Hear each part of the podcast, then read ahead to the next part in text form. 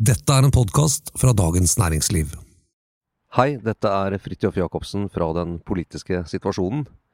Denne uken er DN i Arendal, og der eh, har jeg gjort et intervju med Jonas Gahr Støre, leder for Arbeiderpartiet og statsministerkandidat. Nå kan du høre et opptak av dette intervjuet.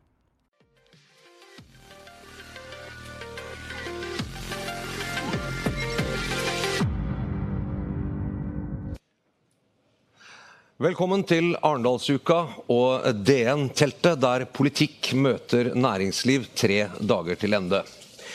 Vi åpner med en frokost uten filter, der eh, politikken i dag må nøye seg med å møte dagens næringsliv. Eh, for jeg har vært så heldig å få besøk av Jonas Gahr Støre, partileder i Arbeiderpartiet, statsministerkandidat på rød-grønn side. God morgen. God morgen. Eh, første partilederdebatt unnagjort i går. Var det noe som overrasket deg underveis? Nei, eh, egentlig ikke. Men eh, jeg sto og så på mine åtte andre kolleger, og vi sto der i to timer. Jeg tenkte at det, som, det er et ganske bra felt. Ja, men se ut på verden ellers. Altså, jeg syns eh, debatten Det er jo ikke en debatt. ikke sant? Det er ni stykker som får ordet litt sånn uh, vekselsvis. Så syns jeg den dekket viktige områder, og fikk egentlig fram mange av skillelinjene og de viktigste sakene.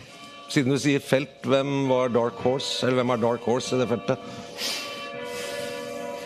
Nei Det er vel lyse... lysehester. Jeg blir jo lysere og lysere, så jeg eh, kan vel ikke kalle det Star Horse, men eh, Nei, jeg, jeg fant ikke ja. Nå ringer klokkene for oss her, så nå ja, ja, det, ja. Vi er rett ved kirken eh, i, eh, i Arendal sentrum, så vi får litt akkompagnement eh, av en eller annen grunn. Eh, det som overrasket meg litt i debatten, var åpningen, hvor det var en duell mellom Trygve Slagsvold Vedum fra Senterpartiet og Audun Lysbakken fra SV. Eh, hvor de diskuterte dette fossilbilfrie soner i, i, byene. Og eh, det gikk veldig opp i temperatur, og det var ganske som jeg har fått et veldig nesten fiendtlig og anklagende stemning mellom de to.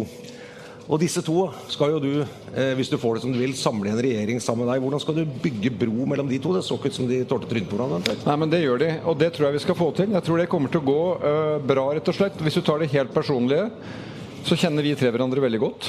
Vi har sittet i regjering sammen. Vi har vært i eh, regjeringsapparatet. Vi har sittet i Stortinget. Vi finner godt ut av det med hverandre på det personlige plan. Det er jo en annen side ved norsk politikk. Vi gjør jo det stort sett uh, politikere.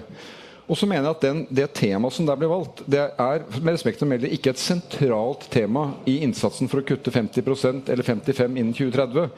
Dette med bysonene. Men det fikk jo fram forskjellene mellom Trygves veldig vektlegging av hva skjer i distriktene, knyttet til den tematikken. Jeg var jo ikke jeg syns ikke det er et genialt sak å kjøre dieselbilen ned i Oslo og si at her er det store problemet, men det er hans profilering av den siden.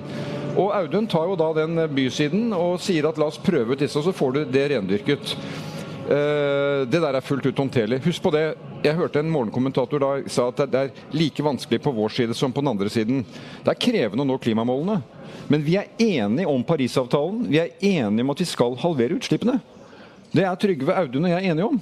På andre siden står det en partileder som ikke respekterer Parisavtalen, ikke mener det er menneskeskapte klimaendringer, og hun er ikke lenger et støttehjul til regjeringen, men en bremsekloss på den. Så dette skal vi finne ut av. Vi er enige om mer, enn, og, nyansene kom fram i dette by-land-bildet. Veldig sånn Men er den tonen mellom de to som vi så i den duellen, er, er, det, er det, sånn de snakker til hverandre? Nei, når dere nei, nei. nei. Så det, var det er mye mer høflig når de er med meg. Nei, det, det, det, det også er det veldig Dette er jo, for å si det sånn, da, veldig erfarne politikere. De snakker også til sine egne velgere. Jeg skynder meg jo da å si i sånne sammenhenger at det var veldig mye by, veldig mye land. Kom til meg, da får du by og land. Hand i hand. De, de, siste ukene så uh, har vi sett på en del meningsmålinger at uh, partiene til venstre for deg, altså SV, uh, MDG og Rødt, har hatt en del oppsving, styrker seg. Senterpartiet har mattet noe av. Så det kan virke som eh, fordelingen på rød-grønn side kanskje er i ferd med å skifte litt. Vil, vil, den fordelingen, hvor mange stemmer som er på den ene siden av deg og den andre siden, ha noen innvirkning på hva slags politikk en regjering eventuelt ledet av deg vil føre? Altså, jeg tror eh, I demokratiet å si at ikke det teller hvilken oppslutning partier har, er jo meningsløst. Klart det har en betydning. Men men det jeg har tenkt gjennom hele denne valgkampen og gjennom det året når vi har jobbet med program, er at Du går inn i en valgkamp, dine motstandere, og pressen skal peke på der hvor det er forskjeller, der hvor det er hull, og der hvor det er noe som ikke henger helt sammen. Jeg ser på hva er det som henger sammen. Hvor er det vi har felles? Hvor er det vi faktisk skal samme vei? Og da ser jeg at eh, mellom de tre partiene så tror jeg for innen dette som handler om fordeling, det som handler om å slå ring rundt fellesskapets ansvar for helse og omsorg, det som handler om en mer aktiv næringspolitikk hvor vi støtter opp under det private næringslivets store store endringer, det kommer vi sikkert til på 20-tallet. Eh, og det som handler om å se hele landet. Der er vi enige. I de målene og så er politikken under det. Eh, men så er det klart at styrkeforholdet vil bety noe eh, for hvordan eh, politikken utformes. Det er en ærlig sak. Er det noen fellespunkter med MDG og Rødt også, som du kan se nå? Altså, jeg har vært tydelig hele veien at det er ikke aktuelt for Arbeiderpartiet å sitte i regjering med de to partiene. Rødt mener jeg står langt unna oss i forhold til metoden for politikk. Der har jeg veldig klare oppfatninger om det. De ønsker å skifte ut regjeringen. Det gjør også vi. MDG samarbeider jo vi med mange steder rundt om i landet, og det gjør vi veldig godt. Jeg tror vi lærer hverandre bedre å kjenne. Eh, merker det også i Stortinget. Jeg har jobbet bedre med dem i Stortinget under eh, den ledelsen de har nå. Men i synet på en del veldig viktige spørsmål for hvordan Norge skal styres framover, så er forskjellene for store til å sitte i regjering. Men så skal du jo i Stortinget. og Da vi hadde flertallsregjering med eh, under Stoltenberg-regjeringen så var jeg som utenriksminister veldig opptatt av at jeg vil ha et bredere forankring enn bare det lille flertallet vi har.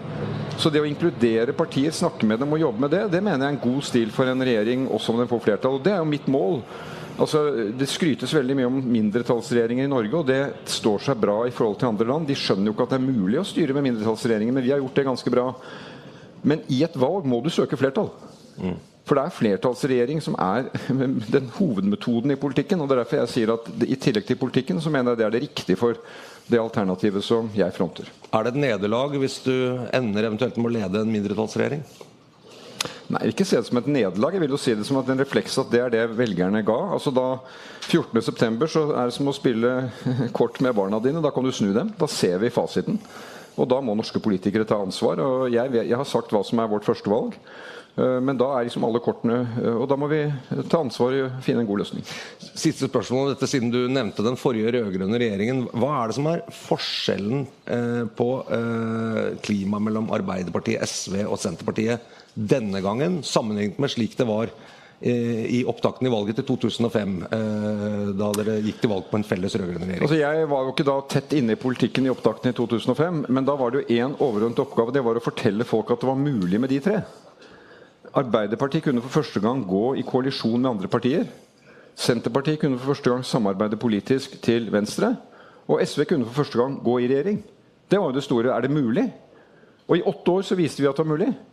Regjerte på EØS-avtalen, Nato-medlemskapet, handlingsregelen. Alle partiene holdt ut i åtte år og gjorde det et bra resultat. Så den historien har det ikke vært nødvendig å fortelle nå, for det, det, det kan vi klare. Og så jeg, respekterer jeg at altså, jeg kunne godt ha stilt eh, med oss tre og sagt at det er disse fire hovedområdene som jeg nevnte vi skal gå i. Vi Går det i Stortinget og ser hvordan vi har stemt, så er det veldig gode spor opp i det. Så respekterer jeg at partiene ønsker, og særlig Senterpartiet, at de skal gå til valg på sitt eget alternativ, snakke om sin egen politikk. og det gjør jeg også. Er det det samme Senterpartiet som du nå vil ha i regjering, som det Senterpartiet du var, satt i samme regjering som i åtte år? Nei, det er et Senterparti som har eh, utviklet seg. De har vokst. Eh, de har tatt til seg velgere fra litt ulik hold. Eh, men, men jeg går jo til kilden da, og leser programmet deres. Så når man nå terper veldig på det Trygve sa om dieselbiler i Oslo sentrum, les programmet på klima og Senterpartiet. Jeg mener Har retningen, har innholdet. Vi skal kutte utslippene. Og vi skal gjøre det på en måte som er rettferdig. Og det, det er en tilnærming vi deler. Snakker han litt utenom programmet, mener du?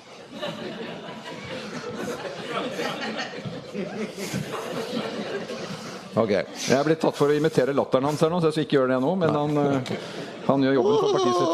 Ja, nettopp. Ja. Da tar jeg den. Uh, uh, jeg, er enda, jeg er enda bedre enn det, altså. Ja, ja, ja, ja selvfølgelig. Uh, men du skal jo bli statsminister. Så, å jobbe med han det var, bare, det var veldig, veldig, kjærlig ment, hvis noen lurte på dette. Den imitasjonen av latter. Det var ikke en del av denne store by-land-debatten. Det var kun varmt og hyggelig ment. Vi liker den latteren. oljevirksomhet. stort tema i denne valgkampen. mye temperatur i går. Begynne, du har sagt at vi skal utvikle, ikke avvikle eh, norsk sånn, oljenæring. La oss bare kalle det det. da. Hva, hva betyr det egentlig? Det betyr det at vi skal, og budskapene fra FN-rapporten og fra IEA Hovedbudskapet er at vi trenger mye fornybar, og vi trenger det fortere. Så vi skal over i det. Vi skal produsere det som skaper kraft, det som skaper energi, på en annen måte enn den fossile. Det å stenge det ned det vil etter min mening ganske klart kutte investeringer, teknologi, fagfolk, vri fokus. Det vil gå en annen vei. Næringene som skal opp og stå nå, de grønne, de fornybare, de er der. Kimene er der, og de kommer ganske fort. Men de er ikke klare nå til at du kan liksom ta ett av bordet og ett på. Og Jeg brukte eksempelet i går, kan bruke liksom litt mer grundig på det i dag. Oppe i Verdal, på verftet der, har de bygget HOD-plattformen nå i ett år. Det har gitt dem 50 lærlinger innen verftsfaget. Nå er den kjørt ut på sokkelen. Nå jobber de med store prosjekter for havmærer til oppdrett. Og de jobber med understell for havvind. For det er så stort område i Verdal at det kan de gjøre. Fordi fagfolkene er der. Og det er jeg sier at den norske energihistorien er at vi lever ikke i oljealderen, vi lever i energialderen. Du må ta liksom fra vannkraften opp igjennom, så kom oljen. Vi utviklet kompetanse, så kom gassen. Og nå er det disse folkene som uh, produserer havvinden. Og jeg husker Hans Christian Gabrielsen og jeg, LO-lederen, som vi savner. Han og jeg var nede utenfor uh, uh, Kverners verft nede på Stord og så disse enorme installasjonene bli slept ut. Det er jo det, det er ingeniørkunst på høyeste nivå. Hvem gjorde den jobben? Jo, det er de som vi i norsk kaller oljearbeiderne. Mm. Og Derfor så må vi kjøre denne utviklingen i retning av at vi skal kutte utslipp. 50% ned på sokkelen innen 2000 bruke en aktiv politikk på å kunne stimulere oppstarten av de nye næringene. Der mener jeg Equinor er på vei, der er Aker Solution på vei, der er disse eh, leverandørselskapene på vei. Og det er å stimulere den utviklingen som kan levere. Eh, en ting en regjering må ta stilling til når det kommer til dette, er jo om det skal gis tillatelse til oljeleting i nye havområder. Vil du åpne nye områder for oljeleting eh, hvis du blir statsminister? Altså På min vakt så har vi sagt at Lofoten, eh, Vesterålen og Senja kom Arbeiderpartiets landsmøte mye debatt, til at det skal vernes. Der skal vi ikke inn. Vi har vært med på å definere strengere regimer i Barentshavet rundt iskanten. Eh, strammet inn rundt det. Jeg mener at letevirksomhet det vil fortsette. Men hvordan det skal skje, og i hvilket omfang, må en regjering vurdere ut fra det som er situasjonen. Erik Solheim ble sitert et par ganger i går som sier at dette kommer markedet til ordne. Og i den forstand at det er etterspørselssiden som blir det viktigste her. Men både selskaper og stat må jo se den verden vi lever i, hva som er på vei opp og hva som er på vei ned. Så vi vil ha en petroleumsmelding ganske fort som går igjennom hvordan uh, skattesystemet vårt fungerer, klimarisikoen, den finansielle risikoen. Men dette er en bransje som tar store avgjørelser, som skal også ha en forutsigbarhet. Eh, så eh, det, det selskapene vektlegger, er jo disse modne områdene. Mm. Tett der hvor det er infrastruktur. Uh, og det, det, må vi da vurdere når, når, det kommer til nye spørsmål om leting. Så vidt jeg forstår så er det jo to uh, måter å åpne for leting på. Det ene er det som kalles ordinære runder, og det andre er uh, åpning i, i forhåndsdefinerte områder. Ja. Det som kalles TFO. uh, som altså er nært inntil der hvor det allerede er virksomhet på et felt f.eks. Eh, er begge eh, disse rundene, både ordinære og TFO, aktuelle og åpne for nye ting? For ja, begge er aktuelle. Dette med TFO er jo noe som gjøres løpende vurdering i forhold til hvor det er aktivitet. Og vi har ikke noen planer om å ikke ha en ny runde. Men omfanget og innholdet den runden det må vi selvfølgelig gå grundig inn i. Er det et mål for deg at Norge skal finne f.eks. et nytt stort oljefelt de neste fire årene?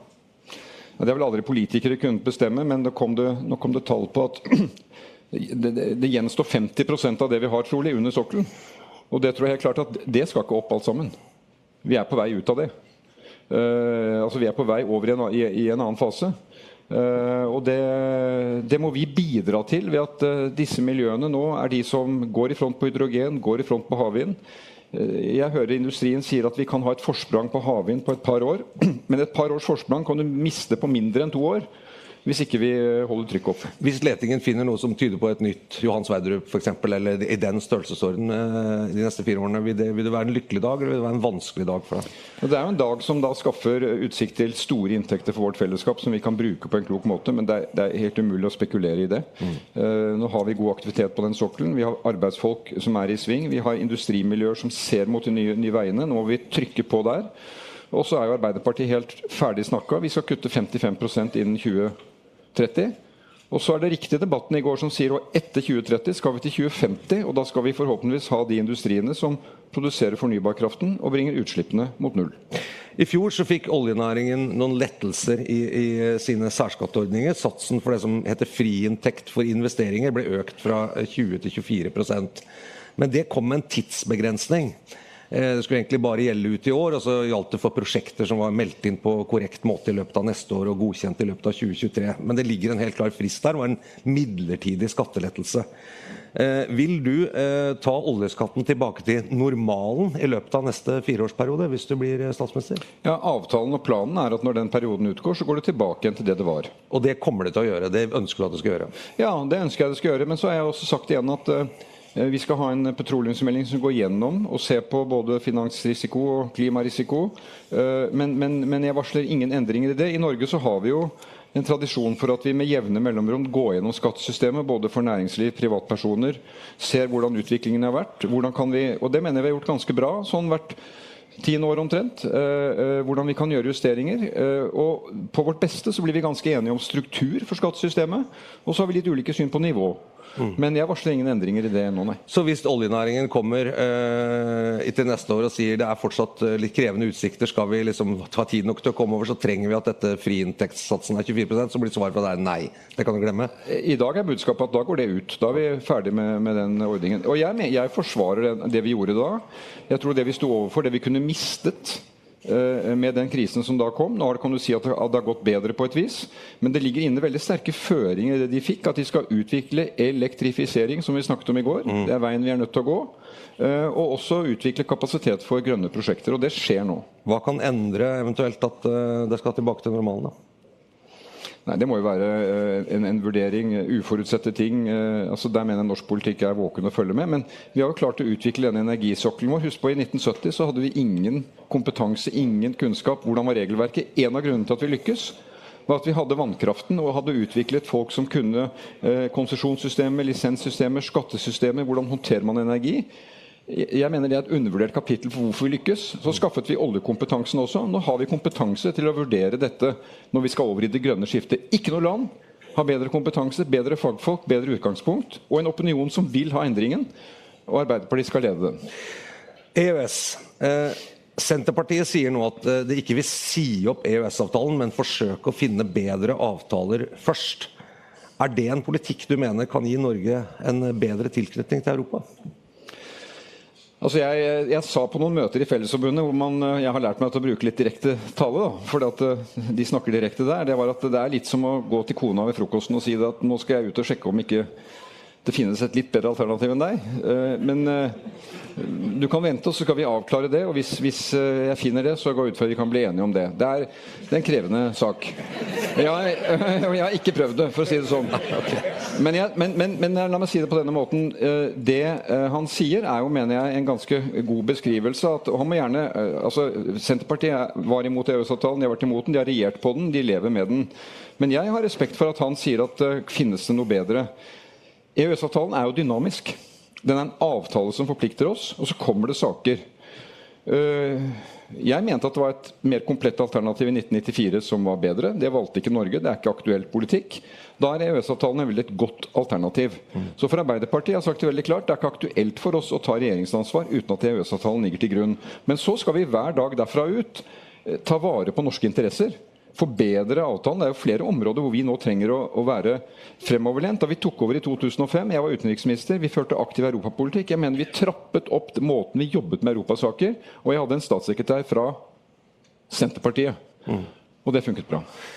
Eh, er det mer handlingsrom i den avtalen enn det eh, på en måte mange av forsvarerne for EØS eh, fremstiller det som? Det var aldri meningen at EØS-avtalen skulle bli en sveitserost med masse hull. Det er, jo fordel at det er ganske like regler. Og Norge har jo vært tradisjonell veldig fulgt opp regelverket. Det er vår tradisjon. Men handlingsrommet handler jo om at du får et pålegg om å gjennomføre, eller man blir enige om å gjennomføre en bestemmelse tilpasset det som er landets eh, lovverk. Der mener jeg vi kan utnytte det bedre. Men siden du var på klima, Fridtjof, så vil jeg si at diskusjonen om klima og EU har nå vært veldig dominert av at her er det trusler. Trusler mot sånn kompensasjonsordninger for CO2 og det ene med det andre. Men det er jo kjempemuligheter. Så jeg ønsker jo at det skal være en regjering, og det tror jeg vi kan få med det, våre partnere og si at vi får reise ned og si det at i denne svære planen EU nå legger, så kommer Norge som en strategisk partner. Vi har unik kompetanse, vi har energi, vi kan ha fangst- og lagringskapasitet i Nordsjøen. Eh, det var snakk om dette polske store utslippet i går. Eh, hva mente Ola Borten Moe når han snakket om de 37 millioner tonnene? Mm. Jo, en av løsningene for Polen er at man kan fange og lagre CO2. Og hvor skal de gjøre av den? Jo, det kan hende at det blir på norsk sokkel. Så vi må være offensive, vi kan være en partner, og der er EØS-rammeverket veldig viktig for oss. Noen ting om Afghanistan. Eh, ved det Arendalsuka startet i går, så var jo bildene gjennom hele helgen eh, sjokkerende bilder av, av folk som eh, var på desperat flukt ut av landet. Og, dette bildet av han som hadde prøvd å klamre seg til et fly som falt ned, det var et, et forferdelig bilde. Nå tar Taliban kontroll over Afghanistan. Som, som, utenriksminister så var du i mange år veldig tungt involvert eh, både i Afghanistan og, og i Norges og Natos innsats i landet. Vil du si det var forgjeves? Her kan vi jo bruke det ordet kontrafaktisk. Da. Det å drive kontrafaktisk analyse av historien er eh, noe historikere sjelden gjør. Hva hvis ikke? Mm. Hva hvis vi ikke hadde vært der? Hva hvis vi ikke hadde reagert etter 11.9.? Eh, det blir en litt sånn annen historie. To ting på det jeg mener jo at det første fjerne Al Qaida fra fjellene, få eh, bin Laden ut, det lykkes. Slik at all den terroren som kom ut av Afghanistan, den ble stoppet etter det. Så begynte det å gå skjevt. fordi at spørsmålet var da dette var jo en kollapset stat. Uh, og uh, um, det, ble, det ble, sagt fra klokt hold i 2002 nå er Taliban så svake at nå bør de tas inn i det som er den afghanske konstruksjonen, det de forsøker å lage. For Hvis du prøver å bygge et Afghanistan uten at alle representantene i parter er med, så kommer det ikke til å gå. Og Da jeg ble utenriksminister i 2005, så var jo tilbakemeldingene fra de militære dette er en krig vi kan vinne. Vi kan nedkjempe disse folka og bygge opp et styresett som kan ta over. Du skulle ikke være der mange ganger for å se at det går ikke. Og det å gjøre det bygget på 100 000, over 100 000 utenlandske soldater er ikke bærekraftig. Eh, og Så kom den, kommandanten i 2007 sa vi kan vinne den. I 2009 kanskje kan vi holde. Og i 2010 sa de det går ikke. Det må en politisk løsning til. Og, og det er jo tragedien. Det at det tok tolv år, og den politiske løsningen ble en fullstendig sammenbrudd av den nasjonen. Og amerikanernes oppskrift for tilbaketrekking mener jeg er eh, kritikkverdig, fordi den ga Taliban egentlig fritt leide. Men nå må vi komme til det smertefulle punktet at Afghanistan må styres av afghanere. De må finne ut av det. Eh, og det, der har vi rett og slett ikke eh, fasiten. Forgjeves. Vel, mange mennesker har fått utdanning. Eh, jeg husker selv åpne, vi, vi, investerte i skoler. Jeg var og åpnet skoler. Kom tilbake året etter. Masse kvinner gikk ut av de skolene. Jeg føler med dem, jeg gråter med dem og tenker på hva de nå opplever. Men jeg tror, jeg tror det er et annet Taliban nå enn det var på 90-tallet. Og så får vi bare håpe og, og, følge med og stille krav til dem. Eh, nå, så lenge så har jo Talibans inntog i Kabul vært relativt uh, fredig. Vi har i hvert fall ikke sett rapporter om liksom, uh, voldsbruk og, og, og, den type ting. Men, men hvis, det, hvis, dette blir et land uh, hvor mange er nødt til å flykte, og hvor de mener at det er farlig å være der, bør Norge stille på å ta imot flyktninger fra landet hvor vi har vært involvert så lenge? Jeg mener ikke det er noe automatikk i at vi var der med et mandat fra FNs sikkerhetsråd sammen med Nato-partnere, at da, eh, når, når, eh, Afghanistan går sin politiske vei videre, så er det grunn til å komme til Norge. Det mener jeg ikke. Men det er altså over to millioner afghanske flyktninger i Pakistan. Hva skjer med Pakistan? Jeg er urolig for det. For det er et land som er utsatt, svakt styresett. Og nå kommer det altså et religiøst styre i, i nord. 700 eh, 000 flyktninger i Iran. Hva skjer med landene rundt? Det er vårt viktigste bidrag å unngå kollaps der. Uh, og så er jeg tilbake på det vi snakket om i går, at de som har jobbet med Norge og hjulpet Norge, de må vi stille opp for. De må få komme til Norge. Uh, men, men uh, det er regionen som nå blir satt under press. Og så vet vi jo ikke, da. For det som jo trolig skjer nå, er at det ikke blir borgerkrig. Og det var jo borgerkrigen, altså krigshandlinger, folk har flyktet fra. Og så får vi se om hva som skjer med et Afghanistan hvor kanskje, vi vet ikke det heller, om det kommer eh, motstand, krigsherrer. De skifter jo allianser raskt, som kan endre den situasjonen. Et tema som opptar mange av eh, Dagens Næringslivs lesere, eh, er jo næringspolitikk, og særlig avveiningen stat og kapital. Du, du har jo sagt at staten må ha en mer aktiv rolle i utviklingen av nye næringer. Eh, hvor er det du har hentet på en måte empirien for at det er en god idé? Hvilke suksesser fra historien er det du har sett på hvor, du mener at det eh, er veien å gå? Det er mange eksempler fra historien man skal lære for hva man ikke skal gjøre. Slik at Når debatten nå kommer fra høyresiden at nå skal Arbeiderpartiet lage et nytt jernverk og holde på som man gjorde i 40-50-60-årene, det mener jeg er helt irrelevant diskusjon. Poenget er at det viktige nå er å se at det vi står foran på 20-tallet Klima, som vi har snakket om, lykkes med den overgangen, bygge de nye næringene. Møte det nye teknologiske skiftet fra digitalisering, automatisering. Få unge mennesker ut, gi dem fagutdanning, lærlingbakgrunn til å komme i arbeidslivet. Det er hver for seg veldig store oppgaver. Sammen er de veldig store. Og jeg ser ikke at den dynamikken som er nå, og den tilbakelente holdningen som jeg syns jeg ser fra Erna Solbergs regjering, vil levere det. Jeg tror ikke vi kommer til å nå 2030-målene. Jeg tror ikke vi kommer til å gi de næringene som er på vei, som er nødt til å få risikoavlastning og støtte, til å lykkes med det. Derfor må vi utvikle en moderne politikk der kjernepunktet er at norsk næringsliv er private bedrifter, små og mellomstore, og noen store. Og vi må jobbe tettere med dem. Og jeg hører når jeg reiser rundt i Norge, ledere for de store bedriftene sier at de undres over at ikke staten stiller tydeligere krav og føringer. Vi må lage veikart med denne industrien om hva som er tersklene skal de gå. Og så må vi korte det ned. Dette veikartet som LO og NHO laget på kraft. Veldig spennende dokument. Men der sier vi at konsesjonssystemet er slik at uh, for, for, for havvind så skal vi liksom langt ut på 30-tallet. Det er for seint. Vi er nødt til å korte ned på noe av dette, og det er det en aktiv næringspolitikk skal gjøre. Du, du sa i stad at uh, både Equinor og Akers system og ganske store deler av leverandørindustrien allerede på en måte er på vei i den retningen du ønsker å lage grønne arbeidsplasser. Trenger man da sterkere på en måte statlig kontroll med dette næringslivet? for å få det jo, men Jeg bruker ikke ordet kontroll, Fridtjof. Jeg snakker ikke om man skal ta over altså, Dette er sånn Eh, skremselspropaganda fra den andre siden. Men det er jo å spille på lag med dem, sitte ned med fagbevegelse, bedrifter, eiere og si her er vi, hvor skal vi, hvordan bruker vi de kreftene maksimalt sammen. Eh, her sitter Håkon Haugli fra Innovasjon Norge. Hvordan, hvordan, hvordan blir de den aktøren? Hvilken rolle skal Statkraft, som vårt Europas ledende fornybarselskap. Erna Solberg tok 5 milliarder ut av lomma til Statkraft for å dekke en budsjettavtale sent en kveld i 2015 som førte til at Statskraft stengte sin vindkraftsatsing. Mm. Og så sier Erna nå det at ja, det er så fint, for da kom det mange andre små bedrifter, private bedrifter isteden. Men Statkraft er et lokomotiv.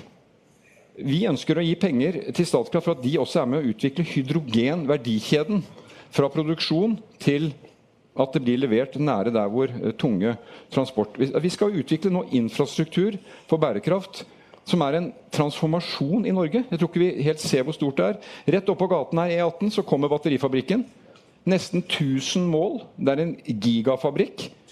Og det å rigge vårt kraftsystem for at vi skal få kraften produsert Nå har vi overskudd, men det kommer til å bli ganske knapt etter hvert. Vi må ha mer fornybar kraft. Men det må jo fram. Så vi har en nettutfordring som er Kjempestor. Jeg var i Finnmark i forrige uke. Der, er, der, der, kan de ikke starte ny aktivitet i Kirkenes. For de har ikke kabler for å få strømmen fram. Så Det er da jeg sier at vi trenger en mer aktiv politikk for å se sammenhengen i dette. Det er det mer aktiv næringspolitikk er. Det er, ikke, det er ikke snakk om å gå og ta over og ta kontroll over. Det er sånn dagens næringslivsspråk som ikke stemmer virkeligheten. Okay. Ja, det snakker alle vårt eget språk. Eh, Forlengelsen av Senterpartiet eh, kom nylig med et forslag om at staten skulle kjøpe seg kraftig opp i Hydro. Opp til over 50% har med dagens børsverdi en pris på ca. 20 milliarder. Er det et forslag du, du mener er lurt? Vi har ikke vurdert det forslaget. Jeg har ikke noen sånn allergi for at man endrer på eierskapet går inn kanskje på eiersiden. Vi har jo pekt at feltene hydrogen, legemidler, mineraler, så kan staten være med på en eierside uh, kort tid, kanskje gå ut igjen. Kanskje være med på at man, Hvis man er med på at noe tar av, så skal man også høste noe av gevinstene. Uh, men Hydro er jo en av våre viktige lokomotiver. Vi har den minoritetsandelen som er der, men dette er ikke et forslag vi har vurdert. 20 milliarder er mye penger, da? Ja, det er mye penger, men uh, som sagt, vi har ikke prioritert å bruke penger på det. Det er litt annet enn å bruke penger over statsbudsjettet. Det er jo da en flytting av en, en del av det staten har. Vi, vi har jo penger i Norge, men de, hver krone må snus, og vi må bruke det fornuftig.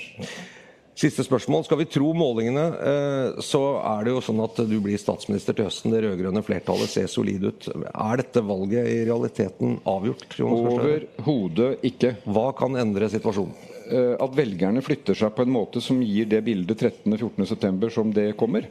Og det aller eh, farligste med de målingene, som jo inspirerer meg eh, når vi ser helheten på det Jeg ønsker jo sterkere Arbeiderpartiet.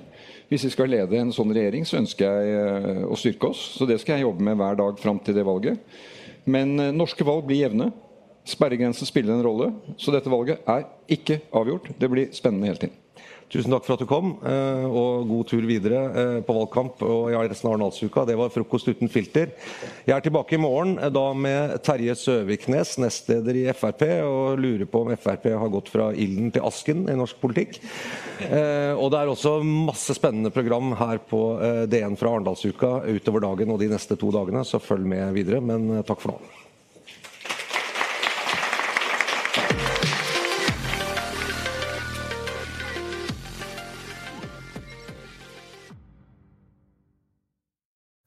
Du har nå hørt en podkast fra Dagens Næringsliv.